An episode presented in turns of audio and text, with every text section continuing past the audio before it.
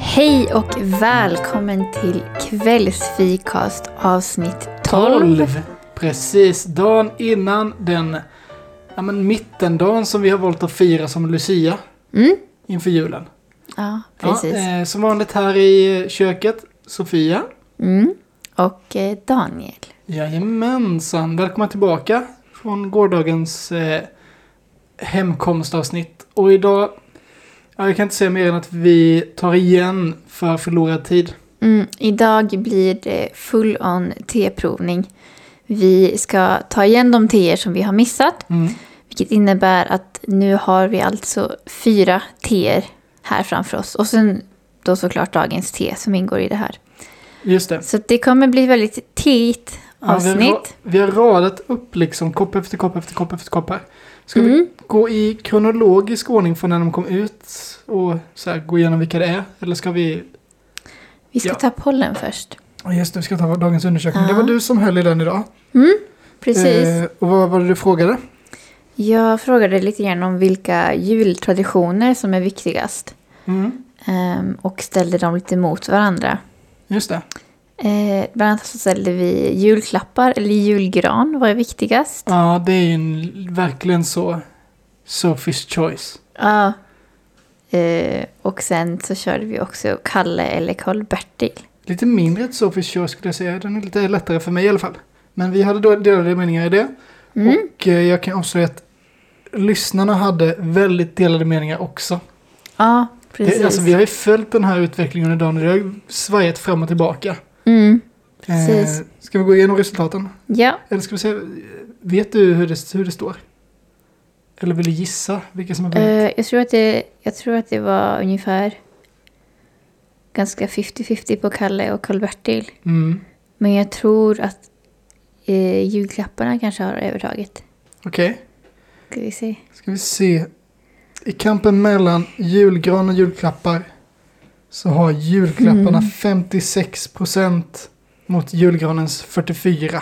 Ja, det är ganska jämnt. Det är väldigt jämnt. Det är Aha. enstaka röster liksom som, som avgör den kampen. Mm. Och i kampen mellan de två tecknade programmen på julafton, Kalle Anka och Karl-Bertil Jonsson, så är det Kalle Anka med 57% mot 43% på Karl-Bertil som vinner där. Mm.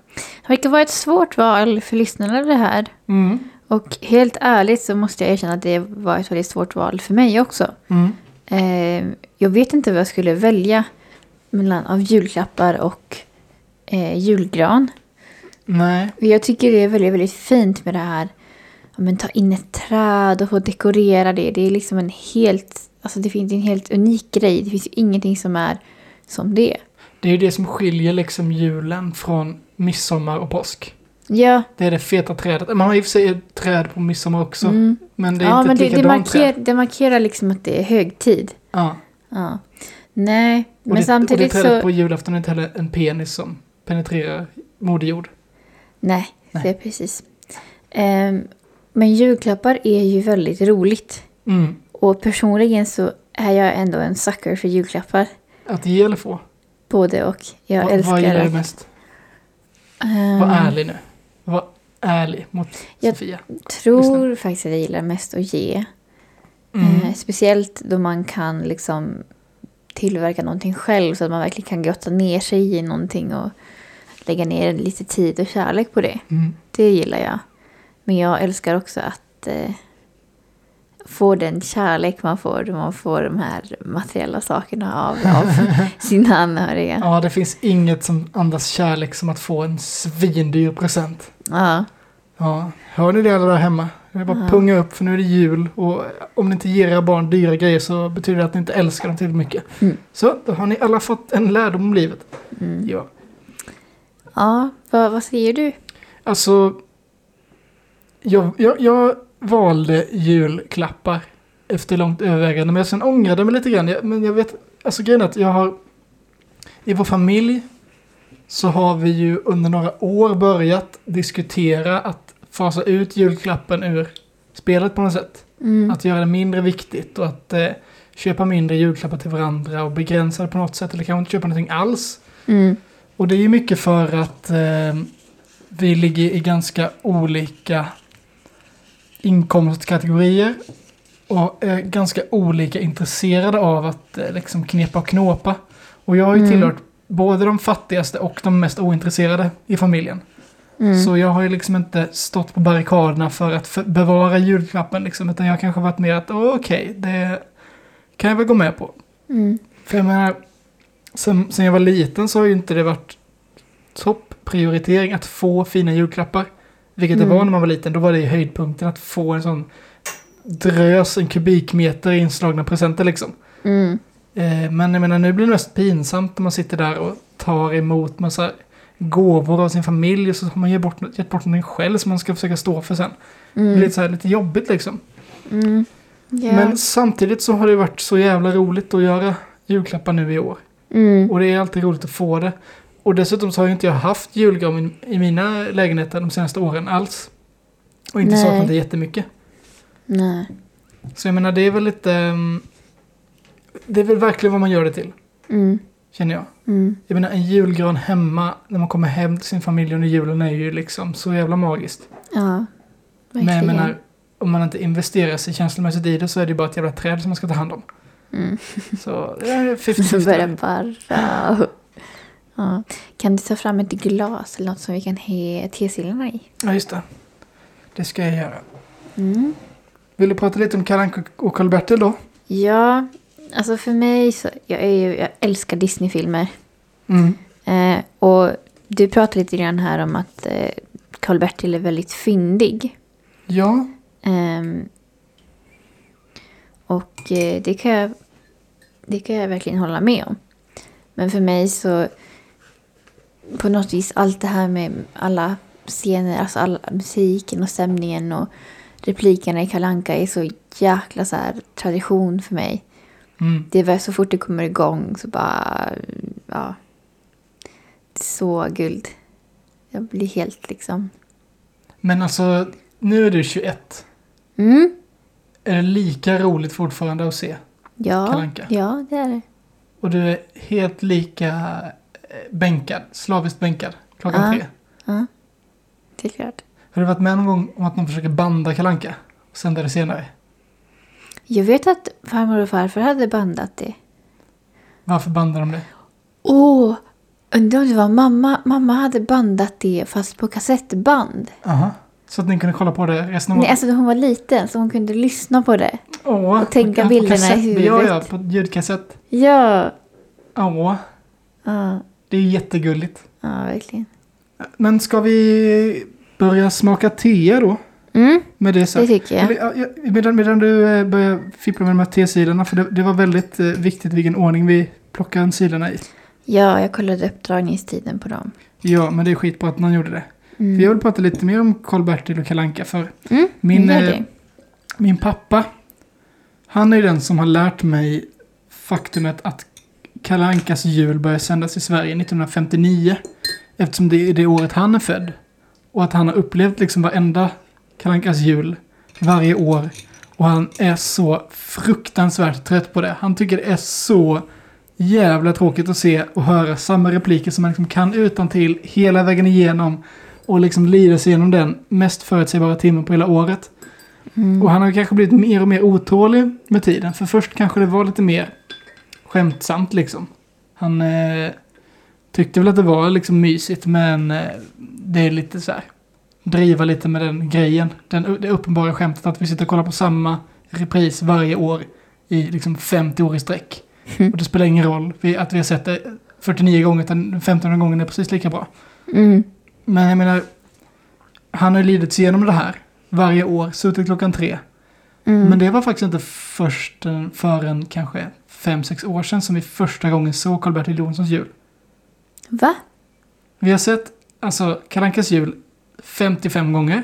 Mm. Se- se- Sett eh, Kan du vissla Johanna kanske 40 gånger, man kanske missade några gånger.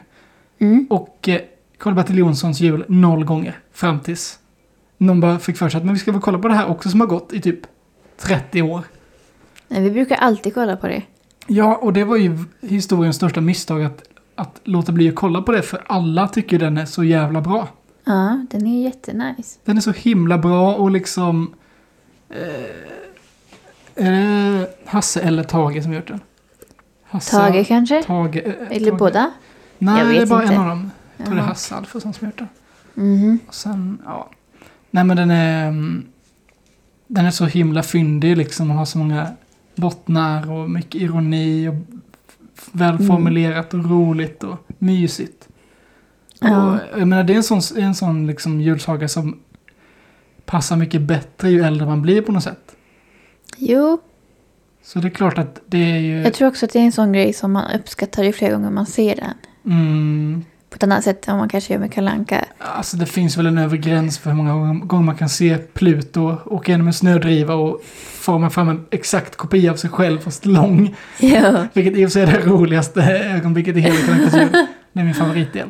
Mm. När det kommer till en sån lång Pluto och sen så... Alltså, Går jag fram och nosar gillar på den den. här... äh, Den gillar jag. Är det mm, Den här... äh, Snövit? Eller? Nej! Den där första grejen. Tomte, tomteverkstan, just det, tomteverkstan är precis det du menar. Nej! nej, nej, nej, just det, det är ju shit, Den det är här... tjuren Var det bara Ferdinand. boop, boop, boop? Ser du stjärnan i det blå? Nej. Är det när, han- när Musse Nej, Pigg spelar Nej, eh, då storboss? Kalle Anka är på eh, fågelskådarsafari.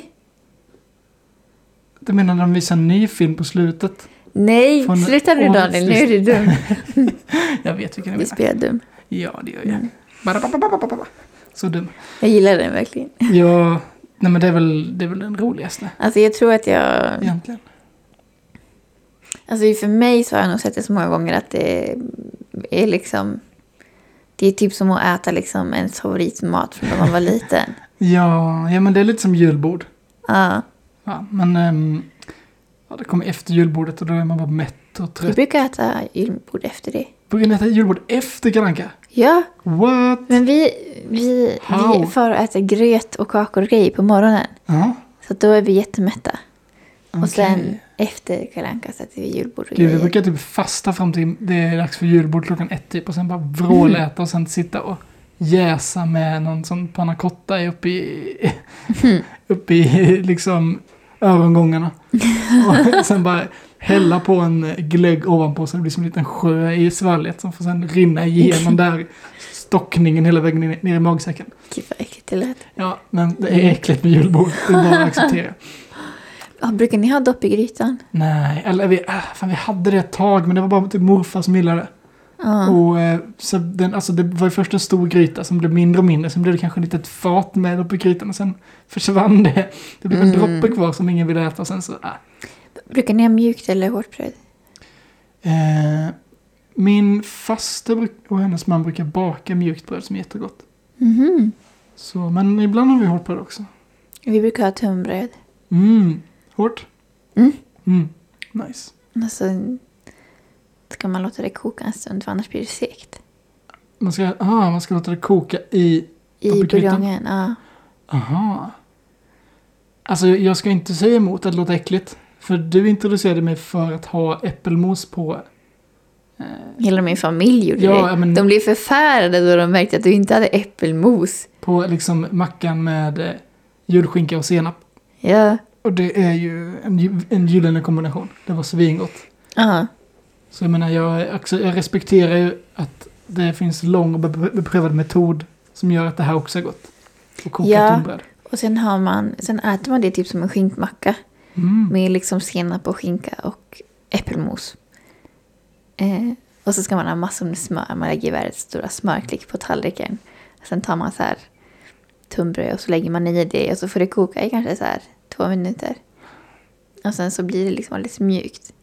Och sen lägger man på det och så lägger man på Ja, hur äter skinka man det och sen då? grejer. Man äter det, man skär det i bitar typ. Ah. Det Är är det lite svårt att så här äta. Ja, det är gott. Men det är så här, ska man ha det på julbordet och allt annat man ska ha på julbordet så blir det så här eh, fett mycket. Mm. Det blir väldigt svårt att få i sig allt det. Alltså, jag tror inte det uttrycket går. slimmat julbord finns. Mm. För det är alltid fett mycket av allt. Ja, precis. Det vi försökt fixa hemma är väl mest att försöka få in lite mer vegetariska grejer. Mm. Inte för att, jo i i och för sig för att min syster är vegetarian. Men Mm. också för att man blir ju liksom helt tokig av att äta så mycket kött. Ja, Man mår precis. skitdåligt och man blir liksom nästan psykiskt påverkad av att ha så Ah. mycket grisprodukter i i kroppen. Ja. Ja, okej. Så jag menar, eh, jag menar så här, brysselkål i all ära, men jag menar, man man vill ha lite mer Sallad, sallad liksom. Det finns, det finns ju en jättegod, man, brukar, man kan göra så, jag tycker det är jättegott med rödkålssallad med Ja. apelsiner i. Mm, Det, och typ russin, det är så gott. mm. Ska, eh, har de dragit klart nu de här teerna? Ja men det tror jag. Ska vi lyfta ur sista sidan? Och... Ja, Det är kanel så den kanske kan vara i. Jaha, Eller jag vet inte. men då vill jag att du som är teansvarig i den här podden Mhm. tar eh, kopparna i liksom ordning de kommer i kalendern och läser lite snabbt vad det är vi ska dricka. Ja, vi ska börja med ett eh, rooibos-te från den 8 december. Mm. som heter Romaren. Och det här ska då vara ett fredagste med smak av kola, rom och kakao. Mm. Det- det- De beskriver det som den perfekta fredagsdrinken fast utan alkohol. Just det. Ehm, ja. Sen har vi ett te som heter passionerad kiwi, ett grönt te. Ehm, ja, det är ett grönt sencha-te. Och sen är det smaksatt med passionsfrukt och kiwi. Sen har vi ett te som heter kane- På kanelen. Det är ett örtte. Eh, och det här var då från den 10 december, vilket är den här Nobeldagen. Så där ska då vara en bra avslutning på den. Och eh, av det, mm, hur det ser ut och innehållet på förteckningen så verkar det bara vara kanelbitar helt enkelt. Så det Jaha. ska bli väldigt spännande. Sen dagens te är ett kokoste. Eh, och tydligen så hade de med det här förra året också och eh, det var väldigt många som gillade det. Så det är ett grönt te med kokossmak och kokoschips i. Det låter ju faktiskt jättelovande de här, fy- alla de här fyra. Ja. Vill du välja en och börja? Jag tycker jag vill börja kronologiskt va? Ja, ska Med vi de börja? här romaren va? Mm. Och det är då va? Mm, ska vi se. Mhm. Åh gud, den luktar ju... Åh, Då tar jag nummer nio här. Alltså det är, det är både sötlakritsdoft och punschpralin. Och jättemycket, alltså det är så mycket gott. Det är det goda godiset liksom. Mm. Luktar det. De här goda godisarna.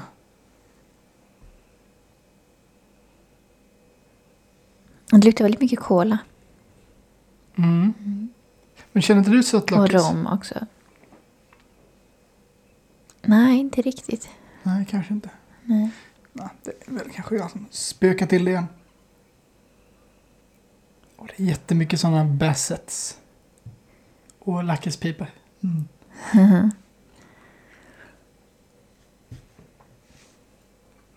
Och det här var ju så gott. Och nam nam nam. Ja, det var faktiskt ganska gott. Okej, Mm, den har en sån, okej, okej. den har en sån så här eftersmak av väldigt mycket kola också. Mm, Eller typ rom eller någonting.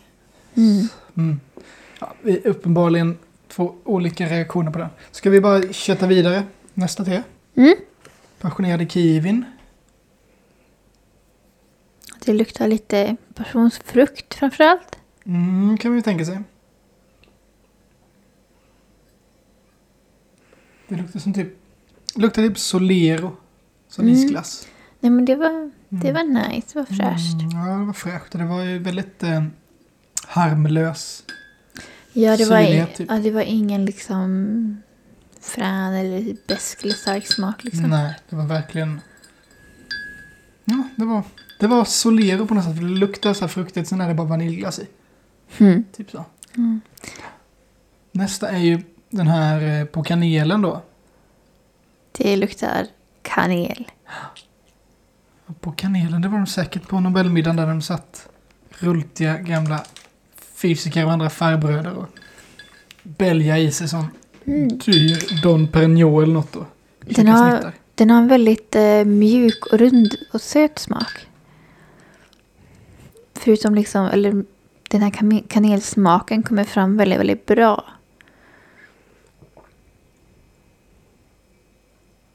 Mm, Mm. mm, mm, verkligen. Det var väldigt, väldigt nice. Jättekaneligt. Mm. Mm. också lite oförargligt i smaken sådär. Men eftersom det är så mycket arom av kanel så behöver man liksom inte ha något som är sådär. Buh. Det var lite som att dricka en, en varm och god risgrynsgröt. Ja, absolut. Så var det kokosteet på Mm. slutet. Mm. Du har redan Ja. hunnit smaka. Vad var det du plockade ur den? Ehm, men det har en tydlig kokossmak. Som kanske, den kanske är lite parfymig. Men den, den, det är lite som en eftersmak av kokos också. Så att den har liksom en tydlig smak som, som bidrar till teet. Det luktar liksom inte bara utan den är väldigt... Eh, ja. Men alltså om vi tänker på alla de här Lipton-påsarna med typ eh, kokos och ananas och allt tjofräs. Mm. De smakar ju parfymigt utav bara fan. Alltså de smakar ju inte parfymigt, de luktar parfymigt. Ja men alltså Och sen de... har de liksom ingen egen smak. Så det är det först, då är det ju liksom Lipton-teerna, det första man känner är den här parfymiga grejen. Mm. Och det sista man känner är liksom bara te. Och det här, det här kokosteet så var det precis tvärtom. Att det första man känner är den här gröna tesmaken. Och sen på slutet känner man den här kokossmaken, den ligger som kvar. Mm, just det. Mm. Jag håller med. Det har du faktiskt rätt i. För jag tänkte att det här med, med Lipton-teen är att de har så himla mycket andra så här smaker. Typ att de är väldigt syrliga eller, eller så här fruktiga, konstiga. Men Mm. de här teerna är inte det. Utan de smakar verkligen teblad. Mm, Någon med lite mer subtil smaksättning. mm. Så det smakar inte som att någon har liksom så här gjort en sån artificiell loka, loka kokos liksom. Nej. Som bara som fyller munhålan med sån Coco Bahia. Mm.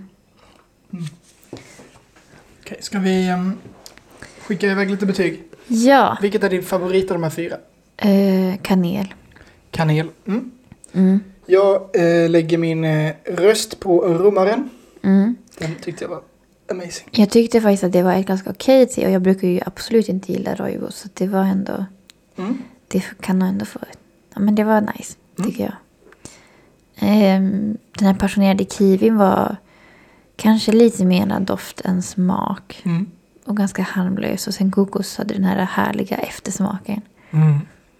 Så, men kanel, kanel var riktigt nice alltså. På en skala. upp till Eh, Fem. fem. Fem för, kan, Mhm. för eh, på kanelen. Japp. Mm. Och sen får nog, eh, du kan ge ditt, ditt kanelbetyg. Mitt kanelbetyg. ehm, eh, ja, en stark fyra. Mm. Stark, stark fyra. Ja, det är en... Det var gott, det var jättegott. Mm. och Ditt favoritte då, vad får den? Femma. Femma. Five plus stars. Den kan nog få en trea från mig ändå. Okej, Ja. japp. Ehm, kiwin kan få också en, få en trea. Mm. Den hade inte så himla stark smak. Mm. Men det var ändå gott. Jag gillar Eh. den. Fyra får den av mig. Ja. Kokos får en fyra av mig. Mm. Ja, detsamma. Yes. Jo, nej men ja, det var en bra... Jag, jag tycker att mina förväntningar blev ganska uppfyllda ändå. Mm. Jag tycker vi tillsätter lite mjölk till eh, kanelteet. Vad säger Ja, du? vi kan, ja, det kan vi göra. Men vi kan väl dela upp kopparna här emellan oss så vi kan få vårt favorit. Mm. Det kan vi göra. Jag ville bara svepa åt med den här lakritsdoftande romartet. Mm. Yes. Thank you. Och vi kan ju avslöja att vi laddat upp med, inte bara med tior utan även med lite fika. Mm. Vörtbröd med sån skivad gräddig ost typ. Mm. Och sen har jag smält på några eh, smörgåsgurksskivor med för jag tycker att det är så gott. Mm. Och sen Men har inte vi på fak- min. Nej, inte på din. Nej. Du, eh, du klarar dig utan dem. Mm. Och sen har vi faktiskt stått och kokat lite kola idag. Mm. Som vi har hunnit eh, hälla upp i formar och sen skära i små fyrkanter och proppa ner i en väldigt, väldigt söt hjärtformad plåtburk. Du tuggar ur. Ja, nej men jag ville bara fråga dig eh, vad liksom hemligheten med, bakom en riktigt bra kola är. Ja, ehm, jag tror faktiskt att en grej som är viktig som kan göra den här lilla extra skjutsen med smaken just eh, är smöret. Att ha riktigt smör. Mm. Just. Saltat smör liksom. Ehm, skulle man ha något form av vegosmör så skulle jag nog säga att det är bra att tillsätta lite salt i själva smeten. Mm. Men sen har ju smöret någon så här knäckig smak också som Mm. kommer fram väldigt bra i cola. Men annars också bra vanilj. Ja, just det. Eh, vaniljpulver eller nå- någonting annat, inte vanillinsocker. Det är, den produkten tappar sin smak när man värmer upp den. Så att eh, använd riktigt vaniljsocker eller vaniljsocker eller vaniljstång eller någonting som är riktigt liksom. Bra tips. Ehm, Jag visste inte ens om det där med att den tappar smaken när den värms. nej, det står, alla tror att det är vaniljsocker men det heter, det står egentligen vanillin men alla läser vanilj. Mm. Ja, men det är olika saker, det ska man inte använda på samma sätt. Nej, okej. Nej. Eh, visar man grädde till exempel bara så kan det ju funka väldigt bra med vaniljsocker för att det är ju väldigt... Där var- värmer man ju inte det. Nej. Nej. Men i princip allt annat värmer man ju så att då är det bra att ha. Mm. Ja, eh, och sen också se till att få konsistensen rätt. Och det är viktigare att den kokar för länge än att den kokar för kort. För att den kokar för kort så kommer den bara rinna ut och så har du liksom en form, en, en eh, knappt ihophållande kolasås som du inte ens kan han- hantera. Mm. Ehm, men eh, så gör ett sånt här kul prov. Ta ett kallt glas med vatten. Och droppa i lite grann av smeten i slutet av kokningsprocessen. Mm. Och den ska liksom kunna gå och, och forma till en klump. Som, och den här konsistensen som är på den klumpen är någonting som man tänker att man vill ha sen i den slutprodukten. Mm, just det. Så är den för Det- mjuk så koka längre. Det är precis som i mellanstadie hemkunskapen helt enkelt. Mm, Back to basics. Kulprov. mm, Allt igen. precis, precis. Ja, och det blev ju svingott. Vi har gjort chokladkola med flingsalt på som är så amazing. Mm. Jag måste hålla mig fingrarna i styr för jag kommer s- proppa i mig så kommer ingen höra vad jag säger. Nej. Ska vi... eh, Vi måste gå vidare för vi har ju mycket att prata om idag. Ja, det har Och, eh, vi. Ska Mm. vi, ska vi, ska- vill du börja berätta vad det var du drog med mig på idag? Ja, idag så var det en föreställning. Eh, Vi har ett konserthus i, som ligger alldeles i anslutning till vår skola. Mm. Och där var det idag en dansföreställning av Mats Ek och hans fru Anna Laguna. Mm. Mats Ek är en av de största svenska danskoreograferna. Och Anna Laguna är då hans fru som han har jobbat väldigt tätt med. Så att hon har haft väldigt stora roller i alla hans koreografier. Mm. Så hon har liksom hängt ihop med det där. Ehm, de var här idag och hade en, de visade upp två små verk också, en liten film. Mm. Eh, och det var de som dansade och de är väl uppemot 60-70 nu. Mm, 60 åtminstone. Det måste ju de ju vara nästan. Ja, tänk att han nog är lite äldre än hon. Mm. Ja. Men 60-70 någonting. Ehm, ja, så att det, det var väl, det, det var bara de som dansade, det var ingen annan med. Men det här var en ganska big deal liksom. De kom Ja. till Peter. Ja. Men eh, ja, Så Alltså- jag menar, ska, ska vi beskriva vilka som kom dit liksom? För det är ju ändå så här man bygger upp scenen här. Att det är två, en jättekänd koreograf med sin fru som är en jättekänd och duktig och erkänd dansare. De har ja. varit liksom aktiva sedan 70-talet. Och Mm. liksom gjort verk över hela världen. Stora produktioner och blivit liksom så här, de har verkligen satt så här dans-Sverige på kartan.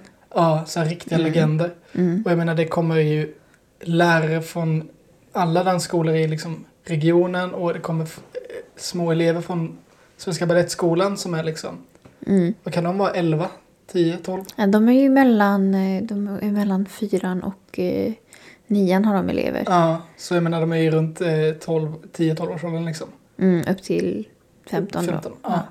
Och sen är det ju vi och alla andra intresserade på skolan och det är Mm. ju andra inom kulturvärlden som har ett intresse och det är ju fullsmockat liksom Mm. för att se den här föreställningen. Mm.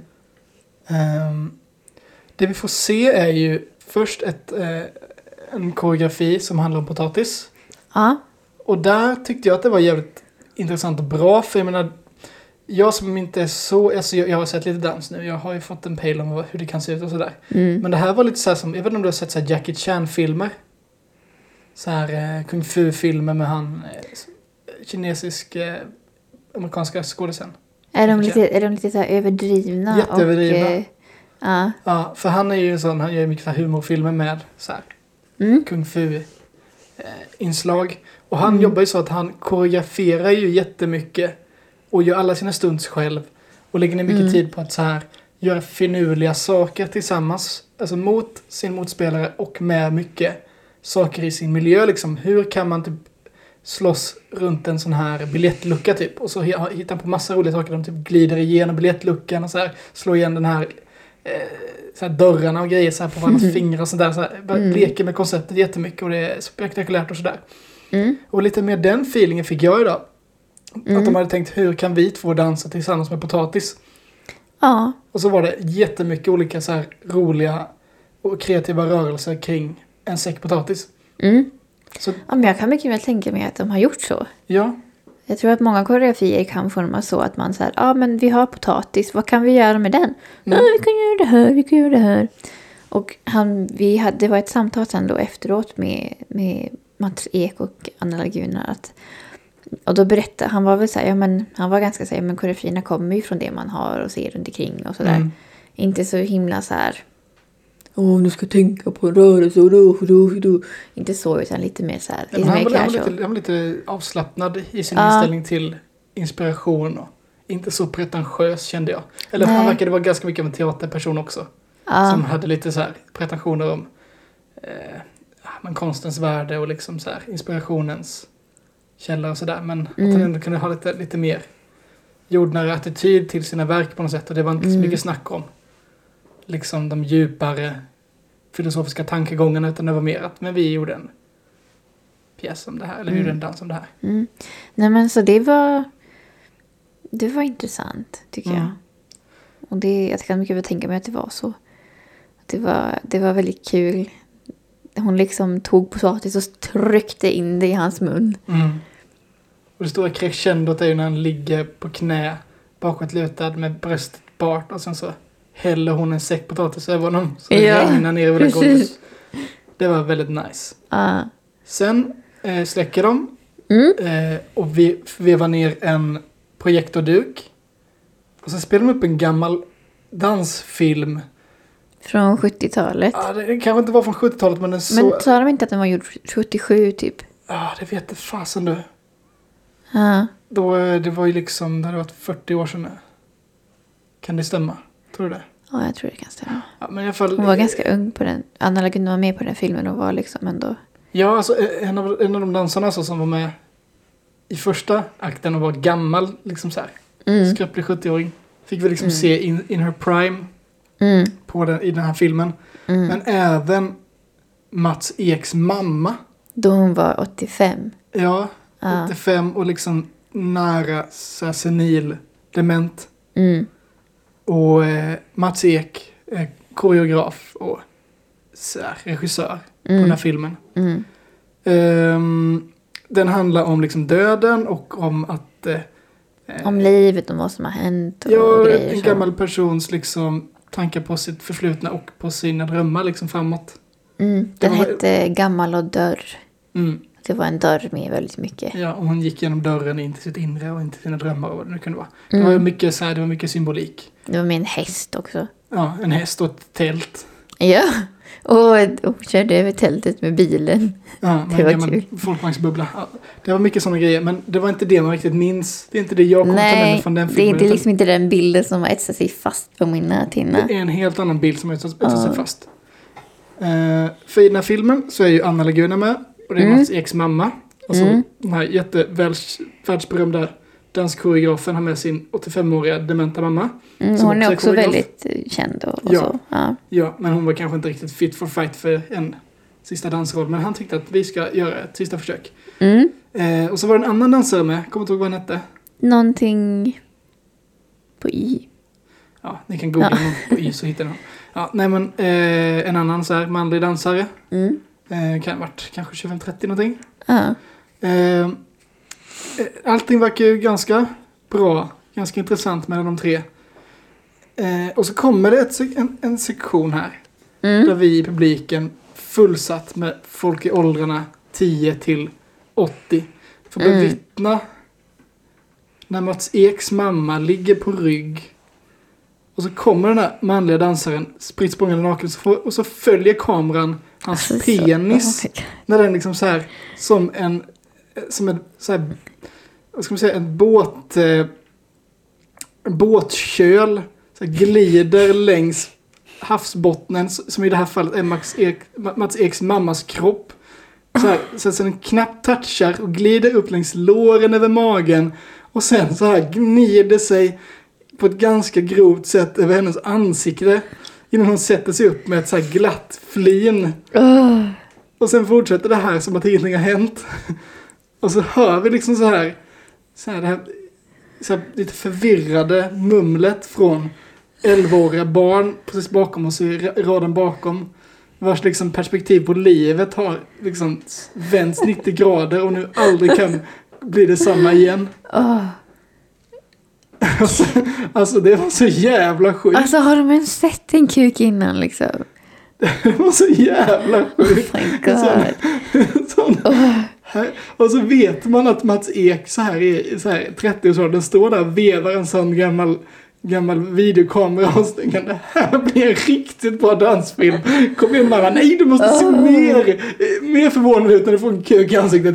Nej, nej, du måste glida Oh my lite, lite God. närmre. Glid, glid upp längs hennes mage och så får vi följa den här penisen. Och den, Alltså, det, det var liksom ingen Herregud. smickrande bild på en penis heller. Nej, fy Åh Och så gud. liksom, som grädde på moset är Anna Laguna med i filmen Hans fru. Och får se sin svärmor liksom så här Oh bli my God. ollad över hela kroppen. Medan hennes son står bakom kameran och hejar på. Oh. Och sen 40 år senare visar upp det inför barn. Alltså jag kan fatta att, att så här, men okej, sex är väl också en del av livet, även Ja. om man är jättegammal. Men snälla kan man göra det på något annat sätt eller något lite mindre, och något, något lite mer så här subtilt sätt. Mm. Eller åtminstone liksom, inte det där. Mm. Vad som helst, okej inte vad som helst annars. Inte vad som helst annars, men kanske kunde ta ner liksom groteskheten lite grann. Ja, fy. Alltså inget fel på kukar, men alltså... Det, det, det var ju inte... Alltså så här, vi får ändå ge lite brasklapp. Vi två... Alltså jag har väl inga jättepretensioner av min konstnärlighet på det sättet. Du, Nej. du sysslar ju med dansfilm men kanske inte har... Eh, sitter väl inte och röker sådana långa cigaretter i, i eh, en sånt eh, hölster och dricker eh, rödvin och pratar om döden i svarta kläder. Nej. Utan det kanske är lite mer, eh, lite mer jordnära attityd till skapandet. Mm. Och jag menar, det är klart att man måste få vara lite avantgard och eh, ut, alltså utmana gränserna och vara suggestiv och vara lite oklar och chocka och sånt, allt sånt där. Absolut. Mm. Men det är ju den här bilden av Mats Ek bakom kameran när han i närbild filmar hur någon ollar hans mamma i ansiktet medan hans fru dansar förbi i bakgrunden. Och att sen liksom så här tycka att det här blev en bra i- film. Det här ska vi, det här ska vi inte bara spara utan vi ska också Vi ska, visa liksom, upp vi ska det. inte kliva bort någonting heller. Vi ska ha det precis som det var fastän det kanske inte är 70-tal längre. Eller... Ja, nej, det där kommer jag aldrig glömma. Och jag kommer också minnas att om vi nu ska göra dansfilm Mm. tillsammans så är det ett jävligt fritt medium. Alltså vi, vi, Ja. vi, vi kan sätt, lägga ribban jävligt lågt och inte göra någonting som är värre än det vi såg idag. Shit Ja, alltså. gud ja. Ja, verkligen. Det, det finns verkligen massor med olika saker. Ja, och om ni är intresserade av att se det här spektaklet Mm. så är det alltså eh, Gammal och dörr. Ja, jag skulle tro att det här Mm. är en sån, sån film som bara visas i samband med föreställningar eller Ja, speciella kanske den visningar. gam- ja. Jag tror inte att den går att hitta på internet. Nej, Ehm, för de sa ju också det att vi fick inte fota eller filma under föreställningen. nej. Och det gäller ju då också filmen. Ja, Det var kanske mest för vår egen skull. att Ja, inte råka gud. fånga. fel grej. Ja, gud. Ja. Nej, men eh, sen var det, sen sista delen var liksom en, det var som en liten vardaglig duett. Mm. Ehm, som, eh, ja men det var typ ett, det var lite ganska så här, men förhållande. Det var ganska fint tycker jag. Den var fin. Den var fin. Den var ju skriven till eh, Don Juan, eh, uppsättningen på Dramaten för eh, Mikael Persbrandt Mm, bland annat. mm, Så det var ju, alltså de här tre delarna var ju väldigt olika. Och jag kan Ja, tro att bara att verkligen. den här potatisgrejen var kanske den enda som var nyskriven. nej jag tror också det. Så jag menar, de andra två var ju dels en gammal grej från Dramaten och en film. Mm. En vidrig, vidrig film. Som han tänkte, men det här, det här får bli en tredjedel av det vi ska ta Ja. betalt för i vår föreställning. Och den var så lång. Ja, Jag ville bara att filmen skulle ta slut. Jag ville inte ha mer. Jag vill inte se mer orakat 70-talskön som möter en senildement Alltså, gammal det, det var, koreograf. alltså, könshår i all ära. Men det var liksom... Jag vet inte, alltså, det var liksom mer hår än vad det var kuk. Var... det det du tyckte var värst? Nej, Om inte det var ett värst. Men, Rakat kön, men skulle alltså det så vara... eh, nej, men det behöver Helt inte okej vara. upplevelse Men, då. men det behöver liksom... Det var ju som en stor boll och så var det en liten så här... Boing. Det var för ful kuk. Du vill ha en lite snyggare kuk när du, när du ser senildementa pensionärer bli ollade på film. Nej, det vill jag nog faktiskt Men det är inte. bara att man har smak. Nej, det vill, man, nog- det vill man nog faktiskt inte. För då ser den ju ännu mer kukig ut liksom. Mm. Det var inte så himla... Ja. Det kunde varit lite vad som helst. Jo, det kunde varit lite vad som helst. Men det var det ju en kuk. Förutom att det finns ingen kroppsdel som ser ut sådär. Nej. Men i övrigt finns det en massa grejer som ser ut sådär. Men- Vill, vill du berätta vad Mats Ek sa om den scenen efteråt? Åh, nej. För det var liksom så här, det, var- det, det var Åh. liksom elefanten i rummet som alla satt och tänkte bara vad fan var det vi såg i den filmen där, det där vidriga Ja. momentet där.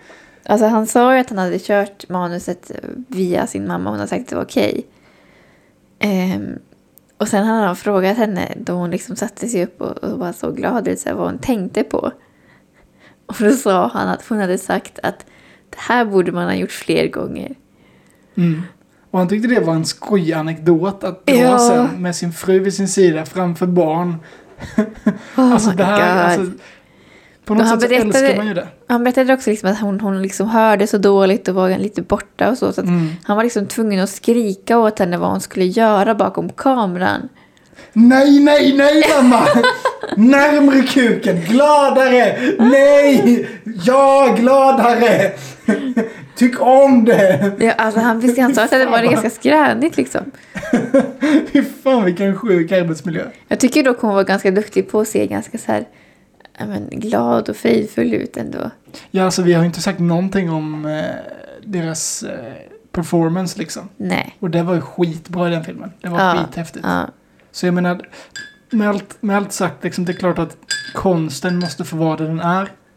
Och de vet ju uppenbarligen exakt vad de gör och är väldigt duktiga på att eh, förmedla sina budskap. Mm.